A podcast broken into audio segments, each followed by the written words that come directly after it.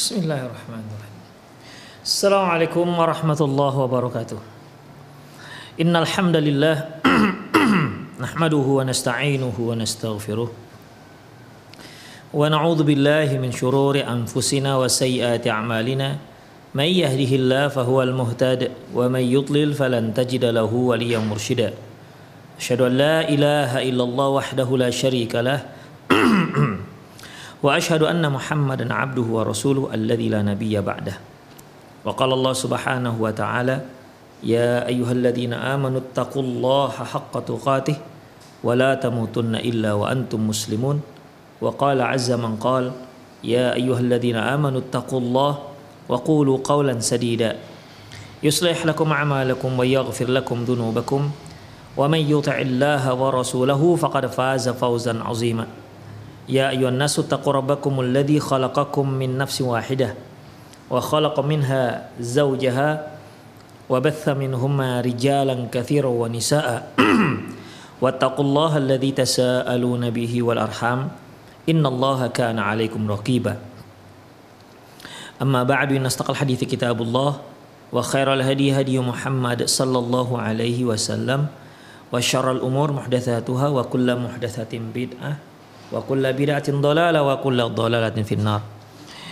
Kaum muslimin dan kaum muslimat, para pemirsa Rosyad TV di mana pun anda berada, Alhamdulillah kembali kita bertemu dalam program acara uh, kajian kitab yaitu kita masih membahas tentunya terkait dengan masalah uh, anak. Ikhwah rahimanallah wa iyyakum. Di kajian lalu kita telah bahas bagaimana uh, penulis menyatakan larangannya terhadap orang-orang tua di mana mereka tidak boleh membenci anaknya dikarenakan mereka buruk rupa. Atau sayang kepada anaknya yang terlihat lebih tampan, lebih cantik dibandingkan yang lain. Tentu hal ini jelas dilarang dalam Islam. Karena sebenarnya cantik, tampan, jelek itu semua merupakan dari Allah Subhanahu wa taala. Dan siapa pun tidak memiliki pilihan. Pilihan itu hanyalah dari Allah Subhanahu wa taala. Dan perlu kita ketahui bahwasanya pilihan yang terbaik untuk seseorang itu adalah apa yang dipilihkan Allah untuk dirinya. Al khair khiratullah. Yang terbaik itu adalah apa yang Allah tetapkan, apa yang Allah pilihkan untuk dirinya. Walaupun terkadang seorang itu kurang menerima dengan pilihan Allah tersebut, Allah mengatakan asa antakrahu syai'an wa huwa khairul lakum wa asa an tuhibbu syai'an wa huwa syarrul lakum. Bisa saja apa yang engkau tak suka sebenarnya baik untukmu dan bisa saja apa yang sebenarnya engkau suka dan itu enggak baik untukmu. Demikian ikhwah rahimani Allah wa iyyakum. Baik, selanjutnya. Tahnikus sibyan wa du'a lahum bil barakah. Mentahnik mentahnik eh, anak-anak yang baru lahir. Ya mentahnik anak-anak baru lahir. Tahnik itu ikhwah uh, mengambil apa namanya mengambil kurma kemudian dikunyahkan. Dikunyahkan sampai lumat sampai dia menjadi air liur kemudian diberikan di kemudian diberikan di mulut si bayi. Demikian. Rasulullah Shallallahu Alaihi Wasallam dahulu mentahnik Langsung beliau uh, lepaskan air liurnya langsung ke mulut si bayi. Demikian ikhwah, apa yang beliau sudah kunyah. Itu tahnik. Kemudian ditambah lagi do, berdoa untuk si bayi yang baru lahir ini dengan keberkahan. Wa qad kana min hadihi sallallahu alaihi wasallam tahnikus sibyani di antara petunjuk ataupun sunnah Rasulullah sallallahu alaihi wasallam yaitu mentahnik mentahnik anak-anak. Wa fi sahihil Muslim min hadithi Aisyah radhiyallahu anha dalam Sahih Muslim dari hadis Aisyah radhiallahu anha, anna Rasulullah sallallahu alaihi wasallam kana yu'ta bisibyan. Rasulullah sallallahu alaihi wasallam didatangi oleh anak-anak artinya uh, para sahabat datang membawa anak-anak mereka ke hadapan Rasulullah sallallahu alaihi wasallam.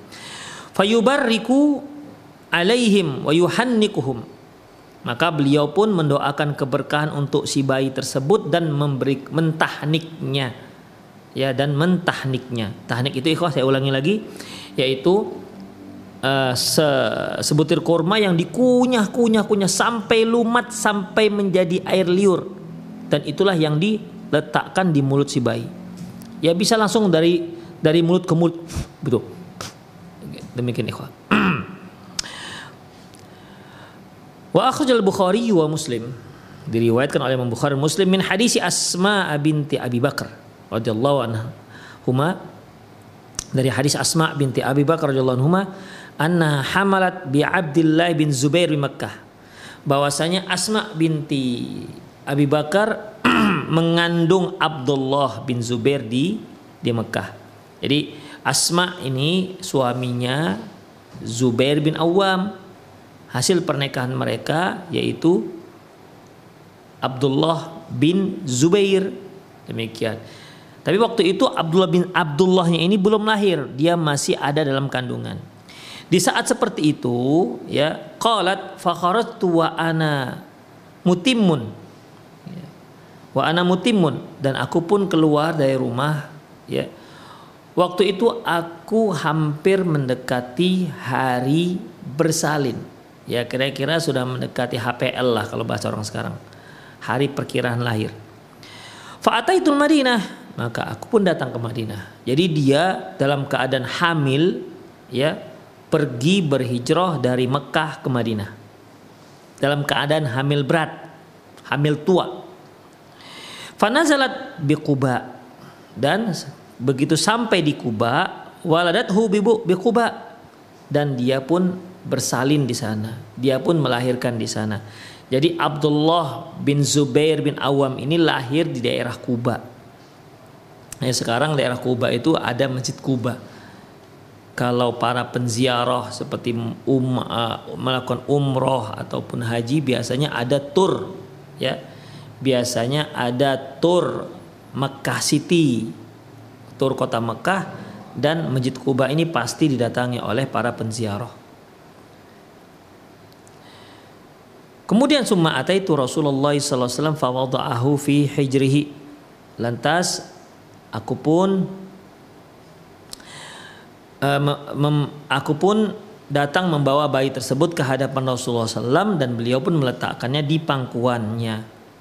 Summa da'a bitamratin fa famadda fama famad famadaghaha famadaghaha famadaghaha. Kemudian beliau pun minta minta kurma dan beliau lantas beliau kunyah-kunyah itu kurma, dikunyah-kunyah. Summa tafala fifi. Kemudian dia ludahkan ya yang sudah dikunyah-kunyah ini ya. Berarti air liur beliau lah ya jadi jadi kunyah lah ini. Air kurma itu kurma sudah menjadi air liur, kemudian beliau ludahkan di di mulut Abdullah bin Zubair bin Awam. Air kurma tadi itu yang sudah bercampur dengan air liur Rasulullah SAW. Fakana awalu syai' dakhala jaufahu riqu Rasulullah SAW dan benda pertama yang masuk ke perut beliau ke perut Abdullah bin Zubair adalah air liur Rasulullah Wasallam. Jadi bukan air susu ibunya tapi air liurnya Rasulullah Wasallam luar biasa ikhwah.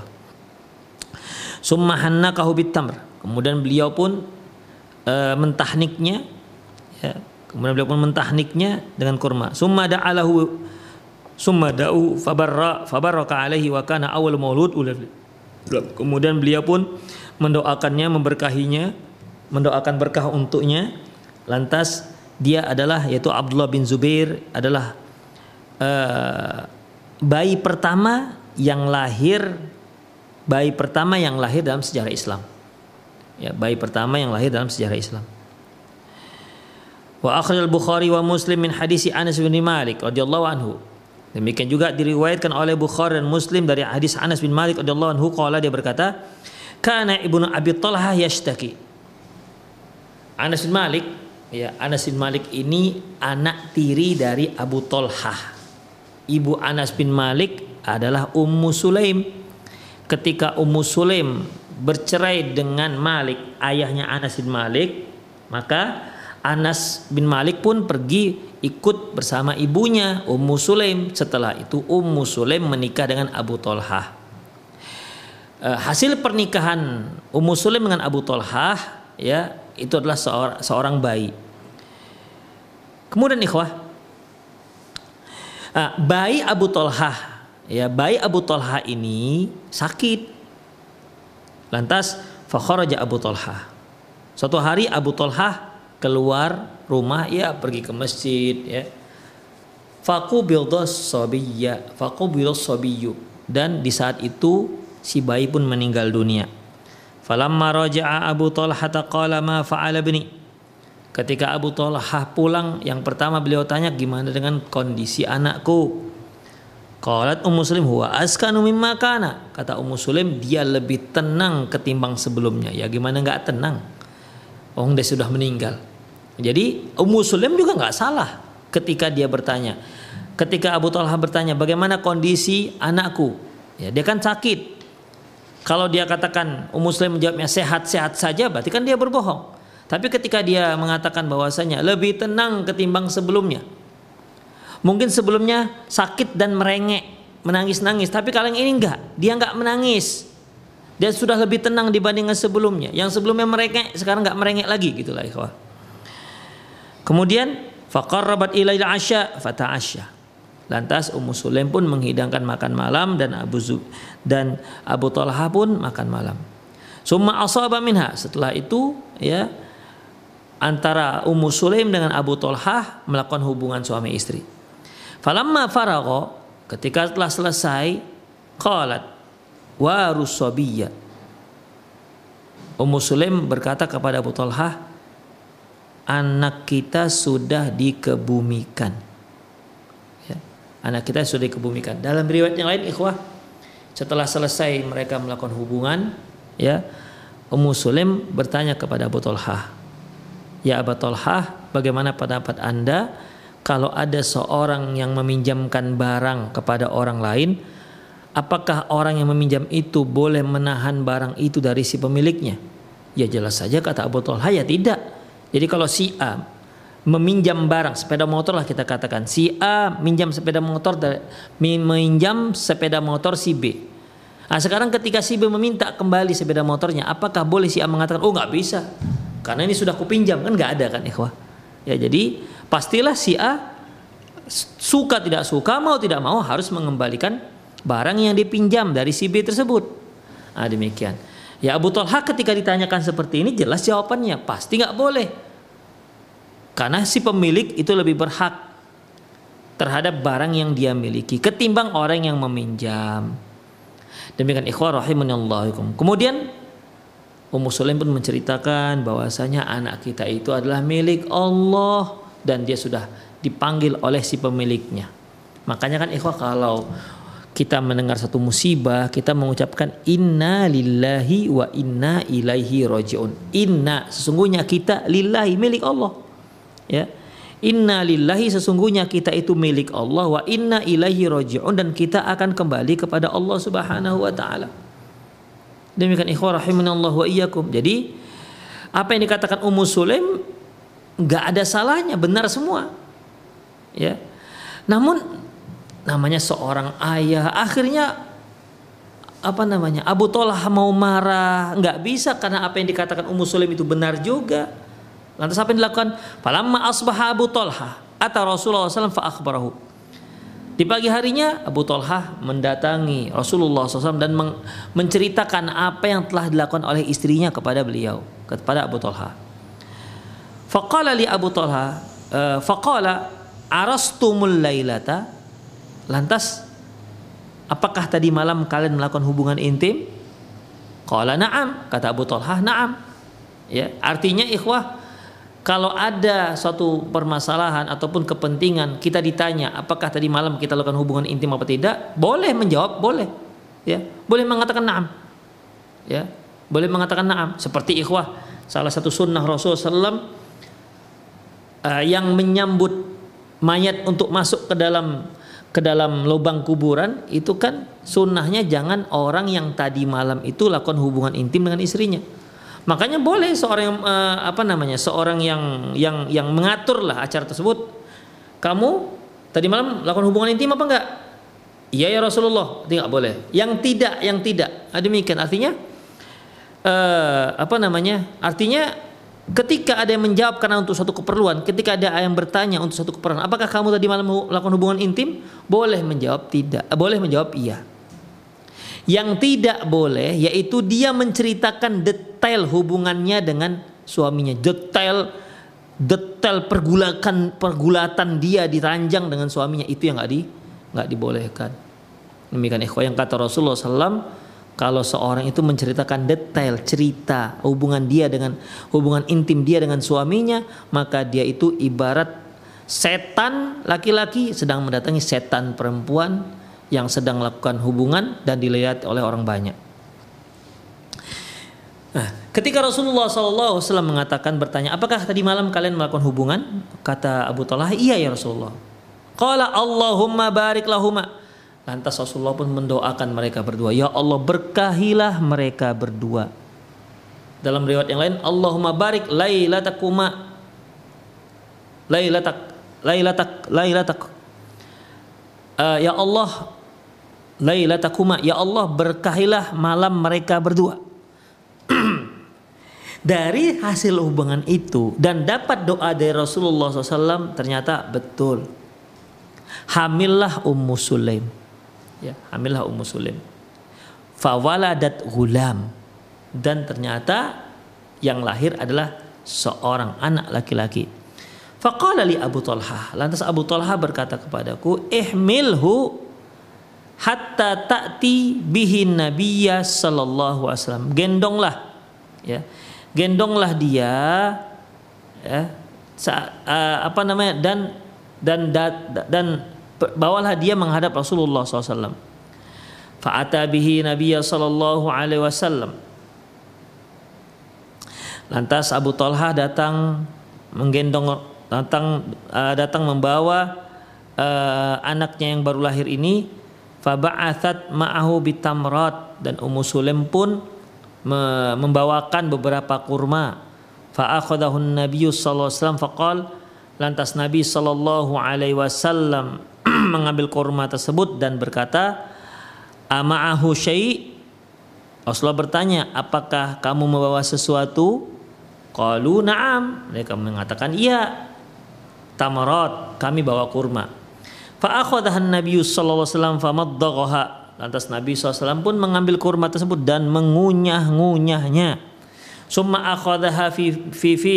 Kemudian dia ambil dari yang hasil yang kurma yang telah dia kunyah-kunyah lumat dia ambil dari dari mulutnya faja'alaha fi fi sabi dan diletakkan di mulut si bayi. Summa hannaqahu ya. Kemudian si bayi pun ya mengunyahnya menelan-nelannya. Fasammahu Abdullah Abdullah dan lantas beliau pun menamakan dia dengan Abdullah. Jadi Abdullah bin Abi Talha ya. Abdullah bin Abi Talha yaitu uh, saudara seibunya Anas bin Malik. Hadis ini diriwayatkan oleh Imam Bukhari Muslim. Wa fi riwayatil Muslim dalam riwayat Muslim min hadisi Anas Eldon tetap masih dari Anas bin Malik qala dhahabat dhahabtu bi Abdullah bin Abi Talha al-Ansari ila Rasulillah sallallahu alaihi wasallam wulida maka Maka aku pun kata Anas bin Malik, aku pun menggendong Abdullah bin Abi Talha Al Ansari pergi menghadap Rasulullah SAW. Jadi ketika lahir anak ini, ya ketika lahir anak ini, Abu Talha berkata kepada Anas bin Malik, kamu bawa dia ke hadapan Nabi SAW. Kemudian Ummu Sulaim membawakan beberapa kurma untuk Anas bin Malik. Ya, dibawa Anas bin Malik sampai di di di rumah Rasulullah Rasulullah kunyah-kunyah kurma lantas di beliau beliau ambil air liurnya dan, diletakkan dalam di mulut adiknya Anas bin Malik ini. Dalam riwayat yang lain, aku membawa adikku Abdullah bin Abi Talha menghadap Rasulullah SAW. hina wulida setelah dia lahir. Wa Rasulullah SAW fi abain yanhan yahna'u dan Rasulullah sallallahu alaihi wasallam uh, sedang berada dalam abain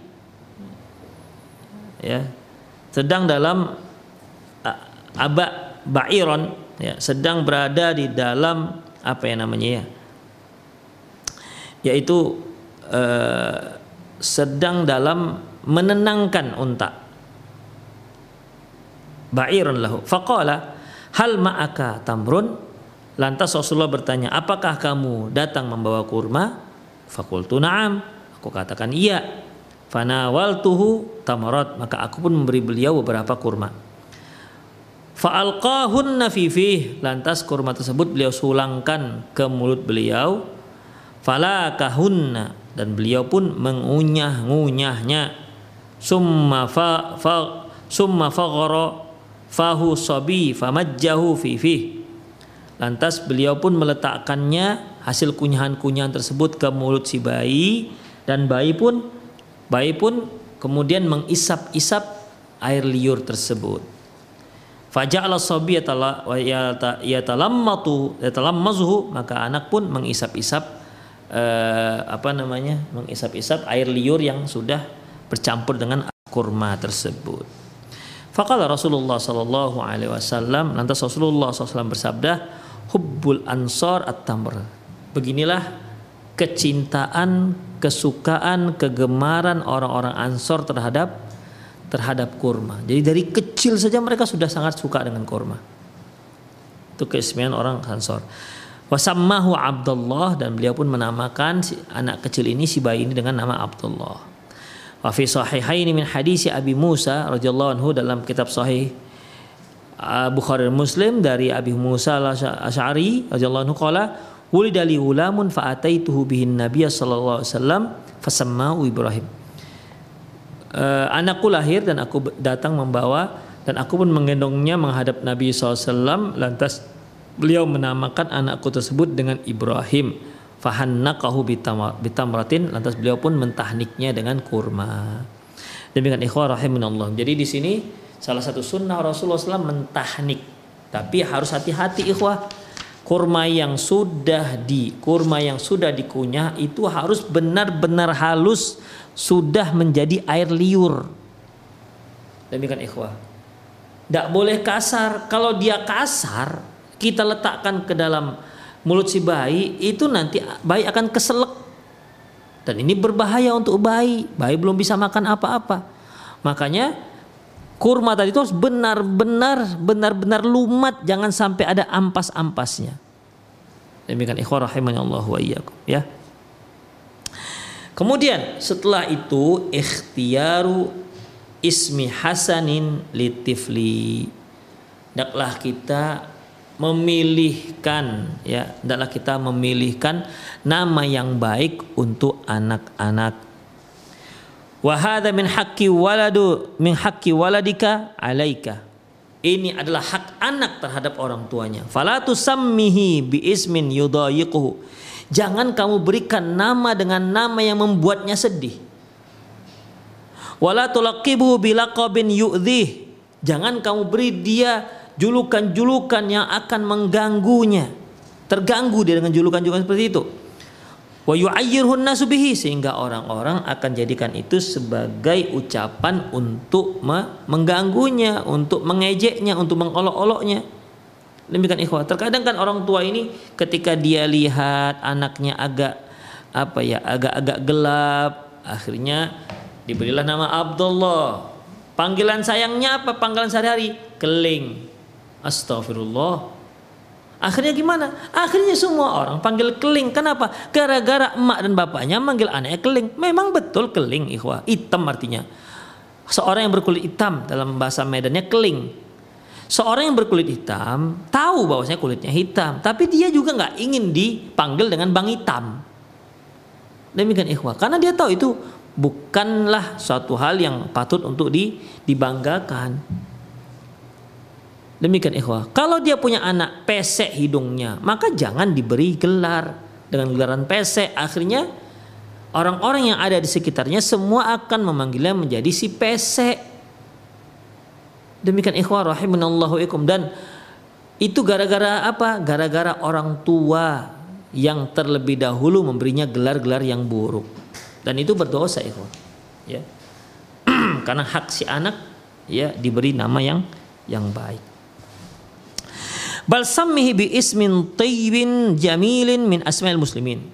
Namakalah anak kita itu dengan nama yang baik, yang indah dari nama-nama kaum muslimin. Kan banyak ikhwah, Abdullah, Abdurrahman, Abdul Malik, apalagi Abdul uh, Abdurrahim, apalagi Sulaiman, Daud, banyak sekali kan ikhwah. Idris, Nuh, demikian ikhwah. Said misalnya. Said atau Sa'ad. Apalagi Zainab, Ruqayyah, Ummul Kalthum, Aisyah, Khadijah. Banyak sekali. Ambillah nama anak kita itu carilah nama anak kita itu dengan nama-nama yang memang dikenal baik dalam sejarah Islam. Nama-nama orang soleh. Yang paling solehnya tentunya yang paling terdepan yaitu nama-nama Nabi dan Rasul. Demikian. Banyak sekali kan dari Nabi Adam, Adam, Nuh apalagi Idris dan seterusnya. Banyak sekali. Kemudian fa innal asma yutafa'alu biha wa yustabashir wa yustabasharu biha.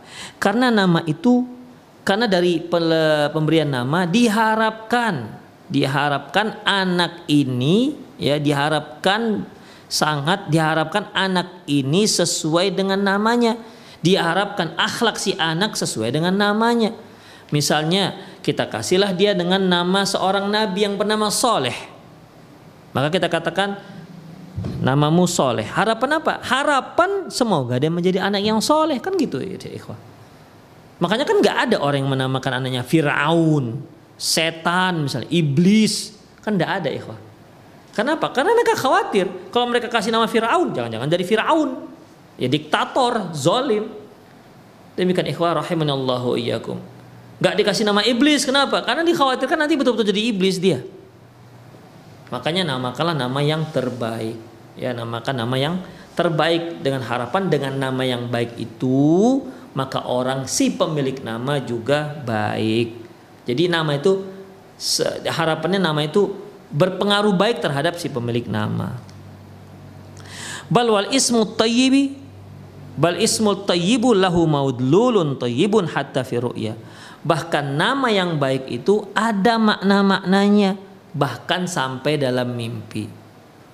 Akhraja Muslim fi sahihihi diriwayatkan oleh Imam Muslim dalam kitab sahihnya dan Imam Abi Daud dalam kitab sunannya min hadisi Anas bin Malik radhiyallahu anhu dari hadis Anas bin Malik radhiyallahu anhu qala dia berkata qala Rasulullah sallallahu alaihi wasallam Rasulullah wasallam bersabda raaitu dzata lailatin fima yara naim Tadi malam aku melihat mimpi, kata beliau. Aku bermimpi. Ka'anna fi dari Uqbah bin Rafi' di mana waktu itu seolah kita sedang berada di rumah Uqbah bin Rafi'. Fa'utina bi rutabin min rutabi ibni Tab dan kami pun disuguhkan dengan kurma yang diambil yang dipetik dari kebun Ibnu Tab. Ya, Okobah itu artinya apa namanya ya? Okobah itu merupakan hasil akhir. Rofi artinya tinggi. Kemudian top artinya baik. Demikian ikhwah. Jadi ketika itu aku bermimpi seolah kami itu sedang berada di rumah Okobah bin bin Rafi.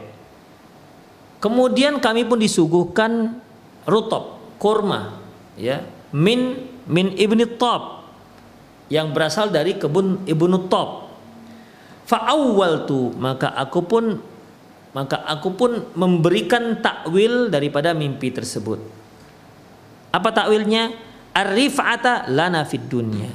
Maksudnya dari mimpi tersebut adalah kita di, di kehidupan dunia ini akan diangkat derajat kita oleh Allah Subhanahu wa taala. Karena kan di sini ada Uqbah bin Rafi' Uqbah artinya hasil akhir, Rafi artinya tinggi. Jadi Rasulullah mengartikan bahwasanya kita akan mendapatkan posisi yang tinggi semasa di dunia.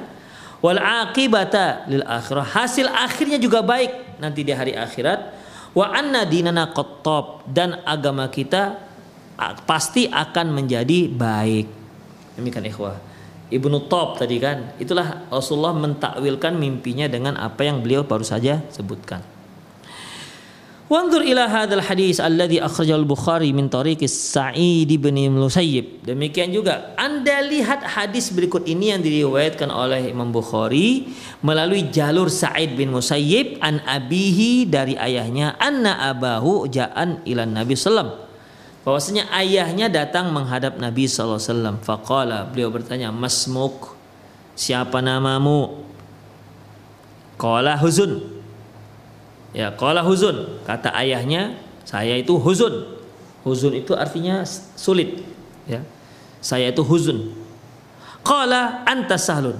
Kata Rasulullah enggak, tukar namamu, namamu Sahal. Sahal itu artinya mudah. Jadi dia memiliki nama uh, uh, ayah ya. Ayah dari Said Ibnu Musayyib ini ya. Ayah dari Said Ibnu Musayyib ini punya nama yang bernama Huzun, sulit. Ketika dia datang menghadap Nabi SAW, Rasulullah nanya, namamu siapa? Dia menjawab, yaitu nama saya sulit, si sulit. Kata Rasulullah, kala anta sahlun. Kata Rasulullah, enggak, tukar namamu. Namamu menjadi sahal, yaitu mudah. Kala la ughayyiru isman sammani abi. Namun kata ayahnya Ibnu Musayyib, aku takkan merubah nama yang telah diberikan oleh orang tuaku, kata beliau.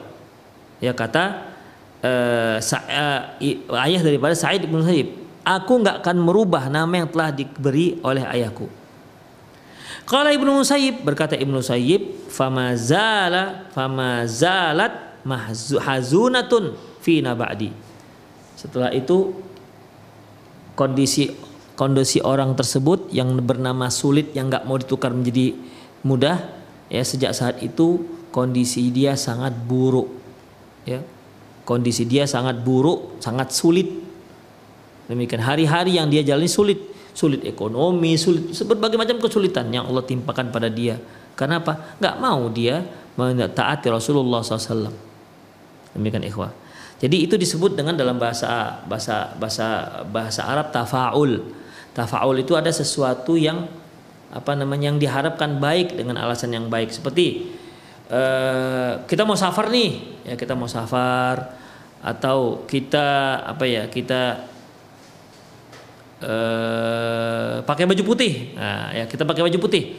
Karena kita tahu baju putih adalah baju yang disukai oleh Rasulullah SAW kemudian kita memakai baju putih itu kan bersih ya. Semoga dengan saya bersih ini segala urusan saya uh, uh, bisa diselesaikan begitu. Karena terlihat putih bersih nampak orangnya lebih apa namanya lebih uh, jujur. Ah, demikian ikhwah rahimanallah wa iyyakum. Ya.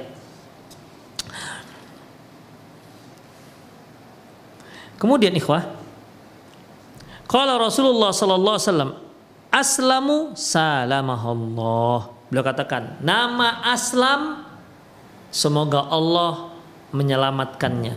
Aslamu salamahallah.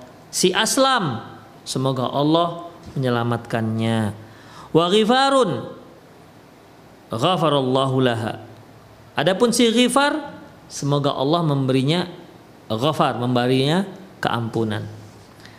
Kemudian wa usayyatu asatillaha wa rasulah. Adapun nama si Usayyah wanita pengkhianat maka uh, wanita pendurhaka Rasulullah katakan Adapun uh, wa usayyatu sungguh si Usayyah itu telah durhaka kepada Allah dan Rasulnya. Demikian ikhwah. Hadis diriwayatkan oleh uh, Imam Bukhari. Kemudian Wa sahih Bukhari bi isnadin mursal min tariqi Ikrimah.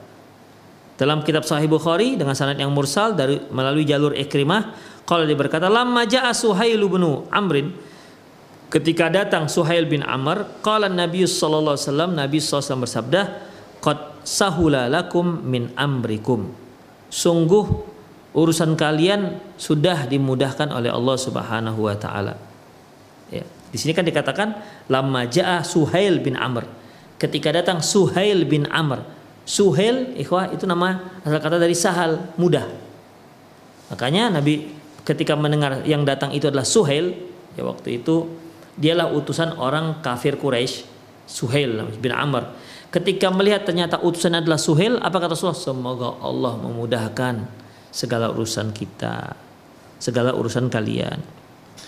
Wasyakhsul ladzi yahrusu ala tasmiyati auladi bi asma'i al-fadl was salah laisa kalladhi yabhathu an asma'il kuffar wal kafirat wad da'irat inda tasmiyati aulad Seorang yang sangat antusias mencari nama anak untuk anaknya dengan nama-nama kaum muslimin, nama-nama orang-orang yang yang yang soleh yang diberi keistimewaan dalam ibadah, ya seorang yang memberikan namanya dengan nama orang-orang yang sudah masyhur soleh ya itu akan berbeda dengan seorang yang mencari nama untuk anaknya dengan nama-nama orang-orang kafir atau para penari-penari ketika dia menamakan anak-anaknya. Fal awal yuthabu wasani lahu jaza niyatahu sayi'ah Orang yang pertama yang memang sengaja mencari-cari nama orang soleh untuk diberikan kepada anaknya, orang yang pertama ini jelas akan diberikan pahala. Adapun orang kedua yang sengaja mencari nama-nama orang kafir untuk nama anaknya untuk bayinya, lahu jazaun lahu jazaun niyatihi sayyi'ah. Maka dia akan mendapat ganjaran yang buruk ya dari rencananya. Demikian ikhwah. Ya dia akan adapun yang kedua dia akan mendapatkan uh, dia akan mendapatkan balasan yang buruk atas niatnya yang tidak baik. Fasyattan baina ma yabahathu man yabahathu an asma'il anbiya wal mursalin wa sahabati wa tabi'in lahum bi ihsan kayusammi waladahu tentu sangat berbeda seorang yang mencari nama-nama para nabi dan orang-orang yang diutus para para rasul para sahabat tabi'in yang dikenal sangat baik mengikuti kebenaran untuk memberikan nama anaknya Wa baina may yabahathu asma raqisat wal fujjar. Tentunya akan berbeda dengan dengan orang-orang yang mencari-cari nama dari para penari-penari dan para penjahat-penjahat kayu sama abnau bi asmahim supaya anak mereka sama dengan nama mereka. Demikian para penari, artis-artis lah kita katakan ikhwah. Ya. Misalnya dia uh, apa namanya? Misalnya dia memberikan nama anaknya Justin misalnya. Ya, Justin. Ikhwah kalau seorang memberikan nama anak dengan nama orang-orang kafir, sedikit banyak dia pasti akan dia cenderung ya sedikit banyak dia akan cenderung dengan nama tersebut atau sedikit banyak dia suka ngefan dengan si pemilik nama Makanya nggak akan mungkin orang tiba-tiba memberikan nama anaknya Justin misalnya. Justin Bieber misalkan ya. Justin tanpa ada tahu sama sekali si Justin ini apa. Pasti ada satu hal yang mendorong dia untuk memberikan nama itu untuk anaknya. Demikian ikhwah rahimanallah. Jadi gak sama seorang yang memilih nama untuk anaknya dari nama orang-orang yang soleh para nabi gak sama dengan orang-orang yang mencari nama anaknya dari nama-nama orang kafir. Siapa nama anakmu? Hitler katanya. Ya ilaha illallah. Yang ngeri kali tukang bantai orang itu ikhwah. Ya. Pasti orang akan katakan, aduh kenapa nama ini? Ya kenapa nama ini? Pasti mereka nggak suka. Kok nama ini? Ya, memang nggak ada nama yang lain. Demikian ikhwah. Allah wa iyyakum. Wasyakhsu yahunnu ila man tusamma yahnu ila man tastu, ila man tusamma bi ismihi fil ghalib. Seorang itu biasanya ngefan terhadap terhadap e, nama orang yang difanskannya. Itu ikhwah. Ya seperti yang kita katakan tadi, kenapa dia memberikan nama anaknya Justin? Pasti dia ada dia ada ke, kecenderungan suka ngefan dengan Justin itu. Demikian ikhwah rahimani Allah wa iyyakum. Siapa nama anaknya Pak? Donald Trump. Uh, tanggung. Nama anaknya Donald Trump. Diberikan anaknya nama Donald Trump setelah Donald Trump lengser dari presiden misalnya. Ya. Pasti sedikit banyak dia punya ketertarikan dengan dengan nama dengan si pemilik nama tersebut. Siapa namanya? Siapa nama anaknya Bu? Einstein misalnya. Einstein. Pasti dia ngefan dengan Einstein ini. Kalau enggak, enggak akan mungkin dia menamakan nama anaknya dengan itu. Kalau dia benci dengan Einstein, ya, maka nggak akan mungkin dia akan namakan nama anaknya dengan nama Einstein. Demikian ikhwah, rahimanallahu wa iyyakum. Tapi ada juga ikhwah karena dia ingin anaknya itu berotak Jerman dan berhati Mekah. Kan dulu ada istilah seperti itu ikhwah. Ingin agar anaknya berotak Jerman berhati Mekah, maka namanya pun di, digabung. Muhammad Einstein.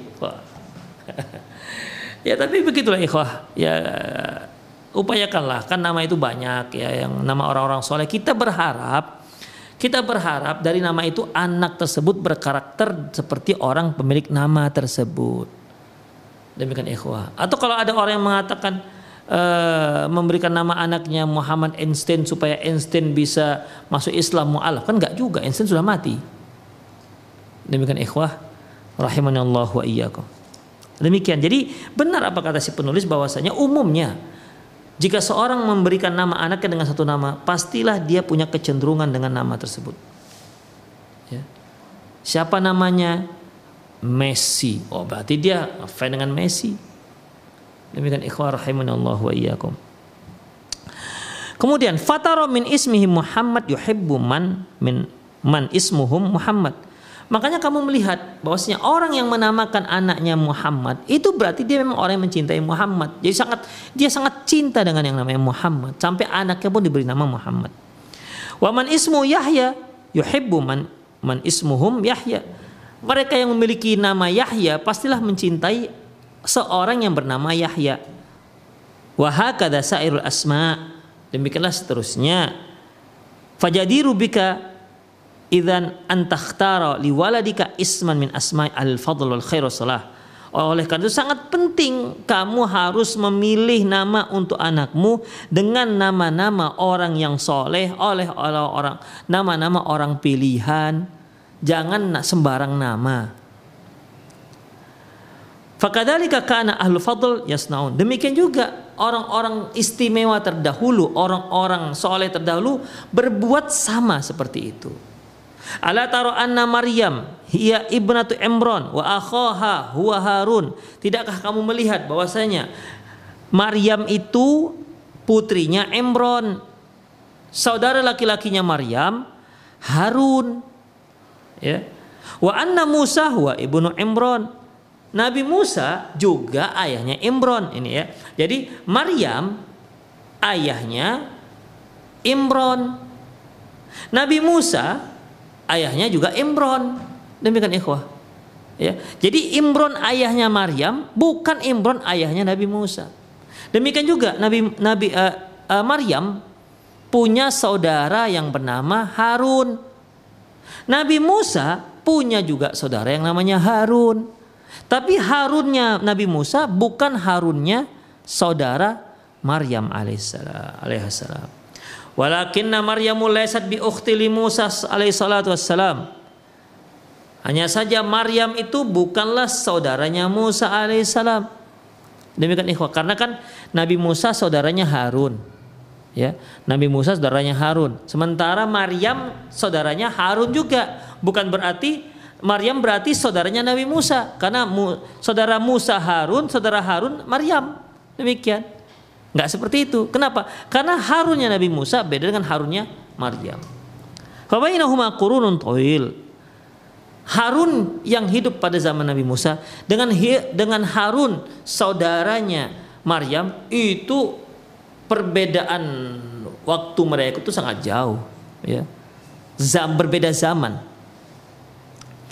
Kemudian waqad su'ila an zalika Rasulullah sallallahu Nabi juga ternyata pernah ditanya dengan tentang ini. Kenapa Kak Maryam namanya Harun? Karena kan dalam Al-Qur'an dikatakan ya ukhta Harun maka abuki ra'asau wa maka ummuki baghiya. Ya wahai saudarinya Harun, ibumu itu uh, ayahmu bukanlah seorang yang suka berbuat keji dan ibumu juga bukan seorang pelacur. Jadi di sini dipanggil oleh penduduk Maryam ya ukhta Harun, wahai saudaranya, saudarinya Harun dan Harunnya ini bukan Harunnya Musa alaihissalam, bukan Harun nabi, ya, bukan Harunnya nabi. Ternyata is, uh, nama Harun yang ada disebutkan dalam Al-Qur'an ya, dalam surat Maryam bahwasanya dia adalah uh, saudaranya Maryam. Pernah ditanyakan ini Harun yang mana ya Rasulullah? Faqala innahum kanu yusammuna bi ab, bi bi, am, bi anbiya'ihim wa salihihim was qablahum Apakah Rasulullah mereka itu suka memberi nama dengan nama-nama nabi mereka dan nama-nama orang soleh. Jadi Imron, Nabi Musa ayahnya Imron. Maryam ayahnya juga Imron. Imronnya Maryam dengan Imronnya Musa beda, nggak sama orangnya. Tapi mereka sama-sama memberikan nama Imron. Imron, baik Imron ayahnya Maryam maupun Imron ayahnya Nabi Musa, kedua orang tua Imron ini memberikan namanya, nama anak mereka Imron, sama-sama Imron.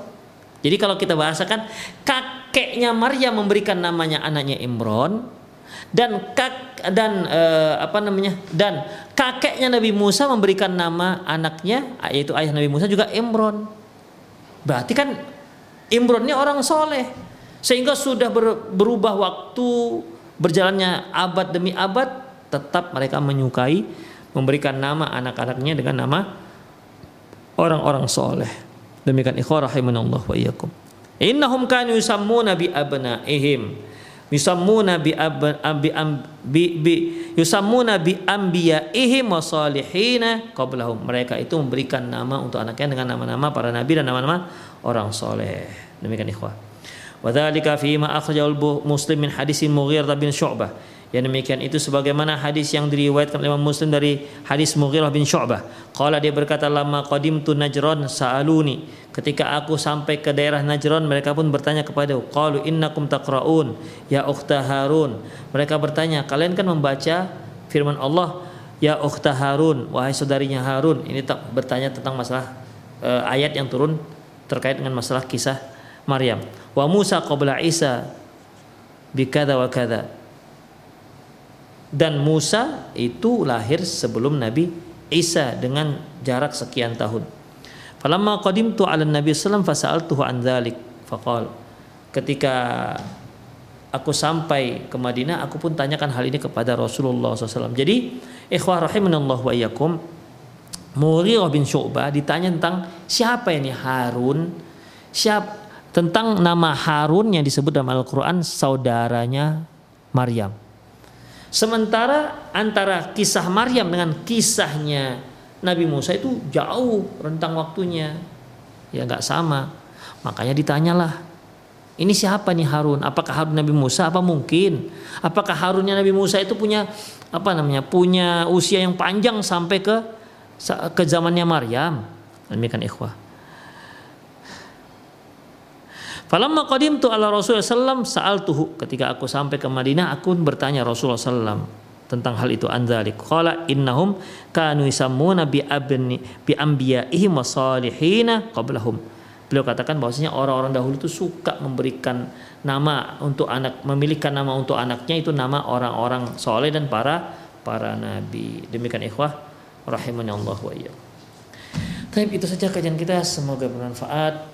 Walau qauli hadza wa astaghfirullah li wa lakum muslimin innahu ghafurur rahim. Bagi para pemirsa yang ingin bertanya dipersilahkan langsung telepon langsung boleh atau boleh juga mengirim uh, pertanyaan live ya via WhatsApp atau juga langsung ke nomor saya di 08956113277778. Tab kita baca dulu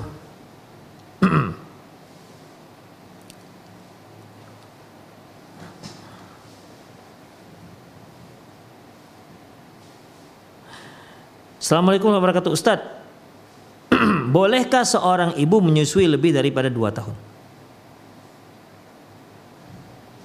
Ikhwan rahimanallah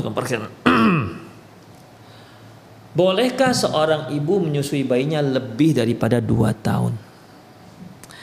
Allah Subhanahu wa ta'ala firman wal walidatu yurdi'na auladahunna haulaini kamilaini liman arada ayyutimma radha'ah dan para ibu menyusui anaknya dua tahun sempurna.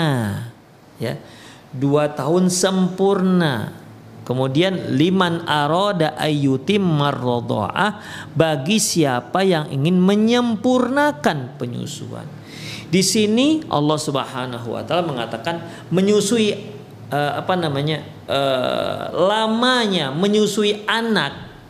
Ya itu paling lama itu dua tahun haulaini kamilaini dua tahun sempurna berarti ikhwah lebih daripada dua tahun itu udah nggak sempurna lagi Seandainya baik untuk baik, pastilah Rasulullah akan katakan, pastilah Allah akan katakan lebih daripada dua tahun. Tapi di sini dikatakan haulaini kamilaini. Dia menyusui dua tahun sempurna. Karena ikhwah kalau orang Arab, kalaupun dia apa namanya, uh, misalnya usia si anak setahun sepuluh bulan, nah itu sudah dianggap dua tahun itu ikhwah. Ya, kama umru ibnik, kama, kama umru ibnik, orang Arab akan mengatakan haulain dua tahun sanatan. Demikian. Padahal satu bulan uh, padahal satu tahun sebelas bulan ada demikian juga Allah Subhanahu wa taala ingin menjelaskan masalah ini tanpa ada keraguan dan tanpa ada kesamaran. Allah katakan haulaini kamilain dua tahun sempurna artinya kalau satu tahun sepuluh bulan itu belum haulaini kamilaini harus sudah satu tahun dua belas bulan itu dia ikhwah. Kemudian Allah katakan lagi liman aroda ayutim marodoah bagi siapa yang mau menyempurnakan uh, susuannya. Taib. Boleh nggak seorang ibu melebih lebih menyusui anak yang lebih daripada dua tahun? Para ulama mengatakan boleh. Ya. Tapi tidak lagi ada keutamaan. Boleh.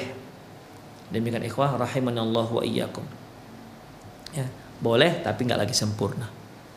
Kemudian para ulama juga mengatakan bahwasanya eh, apa? Mereka yang menyusu lebih daripada dua tahun, ya kalau dia seorang yang seorang anak, seorang anak menyusu dengan seorang ibu di usia lebih daripada dua tahun, maka dia tidak akan menjadi mahram. Sebagaimana yang sering dahulu kita dengar dalam kajian fatwa seputar anak yuhramu minar rodai ma yuhramu minan nasab. Bahwasanya di seseorang menjadi mahram karena sesusuan sebagaimana halnya nasab. Demikian ikhwah. Makanya kalau kalau ada seorang anak yang menyusui menyusu dengan seseorang ibu sementara usianya di atas dua tahun maka itu tidak bisa menjadikan dia sebagai mahram. Memang ikhwah ada perbedaan pendapat di sini di mana di antara para sahabat juga ada perbedaan pendapat. Kalau Aisyah radhiyallahu anha mengatakan walaupun dia sudah dewasa, walaupun dia sudah remaja, kalau dia menyusui menyusu dengan seorang ibu, maka kalau dia memenuhi syarat, maka dia sudah dikatakan mahram. Sebagaimana yang sudah kita pahami bahwasanya sudah kita ketahui bahwasanya menyusu itu akan menjadi mahram kalau dia kalau dia menyusu 10 kali kenyang. Demikian ikhwah. Ya. Kemudian ikhwah Rasulullah mengatakan bahwasanya yuhramu minar radai la la yuhramu minar radai illa ma fatika al am'a qabla al fitam. Bahwasanya menyusui itu tidak bisa menjadi mahram ya tidak bisa menjadi mahram kecuali yang bisa mengenyangkan dan itu sebelum disapih berarti itu sebelum dua tahun Ibnu Abbas mengatakan bahwasanya uh, la yuhramu il la yuhramu illa makana qabla haulaini. Tidak akan menjadi mahram kecuali kalau kalau dia menyusui di bawah dua dua tahun. Demikian Allahu alam bisawab. Jadi intinya boleh seorang ibu menyusui bayinya lebih daripada dua tahun, tapi itu tidak ada anjur, tidak dianjurkan. Ya, sebaiknya dia hentikan kalau sudah dua tahun sempurna. Allahu alam bisawab.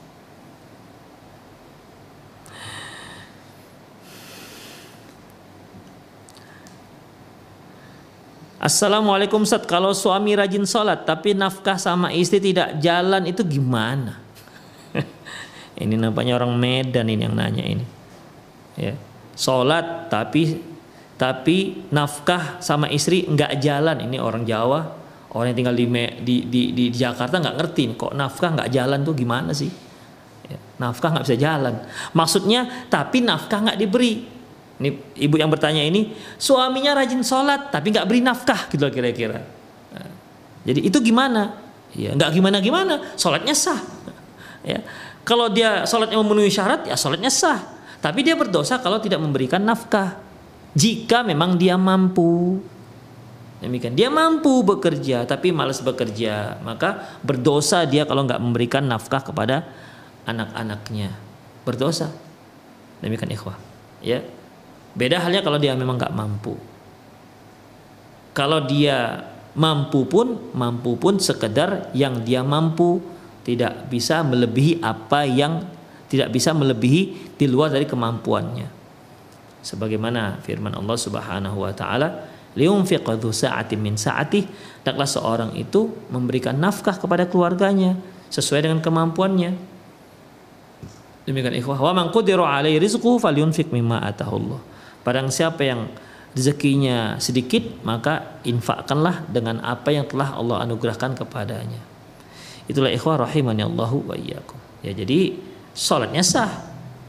Ya kalau syarat sah sholat rukun-rukunnya dia lakukan syarat sholatnya sah. Tapi dia berdosa kalau dia tidak terkaitnya dosa itu terkait dengan karena dia tidak memberikan nafkah kepada istrinya itu pun kalau memang dia sengaja tidak memberikan tapi kalau dia memang nggak sanggup memberikan karena cacat ataupun melanggar ataupun karena sakit maka juga tidak berdosa Demikian. Karena prinsip dalam Islam la yukallifullahu nafsan illa usaha. Allah Subhanahu wa taala tidak membebani seseorang kecuali yang sanggup dia lakukan.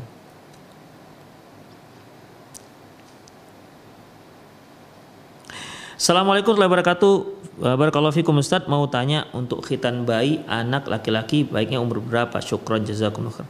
Ikhwah eh, di dalam uh, program kita fatwa seputar anak sudah pernah kita bahas ya tapi Allah alam apakah ada YouTube apa tidak pernah kita bahas bahwasanya tidak ada ketentuan usia dalam menghitan anak laki-laki tidak ada ketetapan usia dalam menghitani anak laki-laki yang ditetapkan oleh syariat yaitu jangan sampai sudah balik belum khitan itulah dia ya jadi Intinya ketika dia balik posisi dia sudah berkhitan itulah dia. Mau dia khitan di usia tujuh bulan, mau dia khitan di usia tiga tahun, mau dia khitan di usia 10 tahun terserah.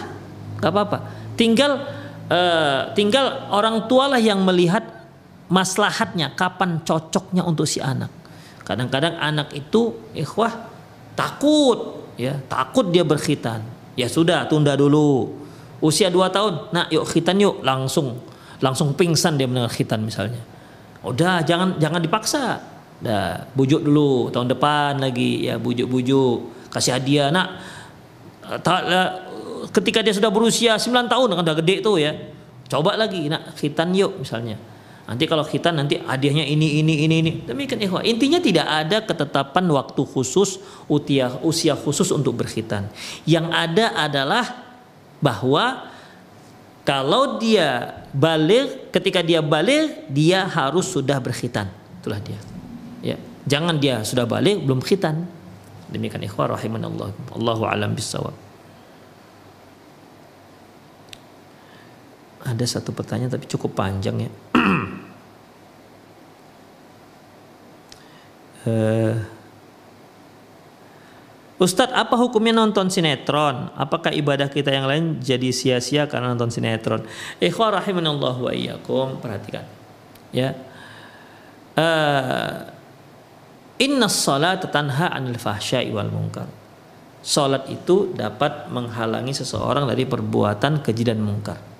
Hanya saja kalau seseorang melakukan perbuatan keji atau mungkar atau melakukan hal yang sia-sia, bukan berarti berpengaruh dengan derajat sholatnya.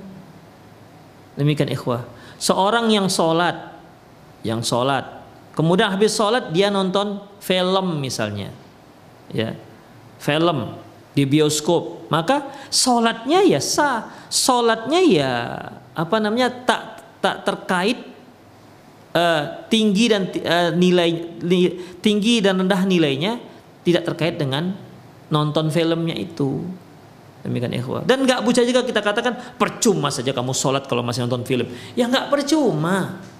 Sholat itu hukumnya lain, babnya lain, nonton sinetron babnya lain. Kadang-kadang kan ada begini ikhwah seorang akhwat, seorang muslimah pakai jilbab syar'i tapi masih pacaran. Ada? Ada. Ya, tapi pacaran-pacaran yang menurut dia pacaran islami lah gitu kan. Nah, duduknya agak jauh-jauh begitu.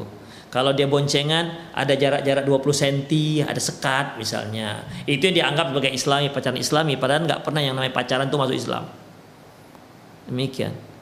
Maka kita nggak bisa katakan percuma kamu pakai jilbab syar'i tapi pacaran. Oh enggak. Nggak percuma. Jilbabnya beda. Jilbabnya babnya lain, pacarnya bab lain. Jilbabnya dia dapat pahala karena jilbab syar'i, pacarannya dia berdosa. Karena dia telah apa namanya berkhalwat dengan dengan seorang laki-laki yang bukan mahram. Demikian. Memang ada orang yang sudah pakai jilbab syari yang berpacaran banyak, ya. Masih banyak ya, rahimanallah. Ada lagi bahkan uh, apa namanya? Mereka pacaran, pacaran. Yang si laki-laki pakai lobe, jenggotnya masya Allah. Si perempuan jilbab syari besar, begitu. Begitu turun dari mobil, turun dari kendaraan, yang si akhwat pakai cadar, Ha, demikian supaya nggak ketahuan. Ya kan keren kan siasatnya. Ha, demikian. Tapi kalau terbuka adik nampak teman ih, itu kan si fulana pakai kan pengajian. Kok dengan laki-laki mana itu? Oh, dengan pacarnya kan nggak enak ikhwah. Ya. Apa namanya akhwat pengajian pacaran ketahuan. Aduh. Kalau akhwat pengajian ketahuan nikah dilamar seorang akhwat, ikhwan itu berita keren kalau itu tapi kalau akhwat pengajian kepergok pacaran, la ilaha illallah sangat tak enak. Ya. Tapi ingat, nggak bisa kita katakan percuma saja dia pakai jilbab syari enggak. Jilbabnya itu babnya beda, penilaian itu beda, pacarnya beda juga. Demikian ikhwah. Jadi kalau ada orang pakai jenggot, bang, kenapa tuh bang biar jenggot? Karena sunnah Rasulullah SAW. Dia katakan, eh besok ketemu dia mabuk. Apa bisa katakan percuma nih pakai jenggot? Ya enggak. Jenggotnya itu beda lagi hukumnya, minumnya beda lagi. Dia berdosa karena dia minum mabuk, jenggotnya dia dapat pahala. Kenapa? Karena dia ikuti sunnah Rasulullah Sallallahu Alaihi Wasallam. Demikian ikhwah rahimani Allah. Jadi ibu yang bertanya ya beda bab antara nonton sinetron dengan sholat. Demikian. Bukan berarti kalau ada seorang nonton sinetron jadi jadi sia-sialah yang namanya sholatnya. Percuma dia sholat. Enggak percuma. Ya enggak percuma. Demikian ikhwah. Rahimani Allah wa iyyakum. Saya kira itu sajalah kajian kita pada sore hari ini. Semoga apa yang kita bahas bermanfaat. Lebih dan kurang mohon maaf. Aku lu qouli hadza wa astaghfirullah li wa muslimin innahu huwal ghafur rahim. Kita akhiri dengan doa kafatul majlis. Subhanakallahumma wa bihamdik. Asyhadu an la ilaha illa anta astaghfiruka wa atubu ilaik. Wa sallallahu ala nabiyina Muhammad wa ala alihi wa ashabihi ajma'in. Wa akhiru da'wana alhamdulillahi alamin. Assalamualaikum warahmatullahi wabarakatuh.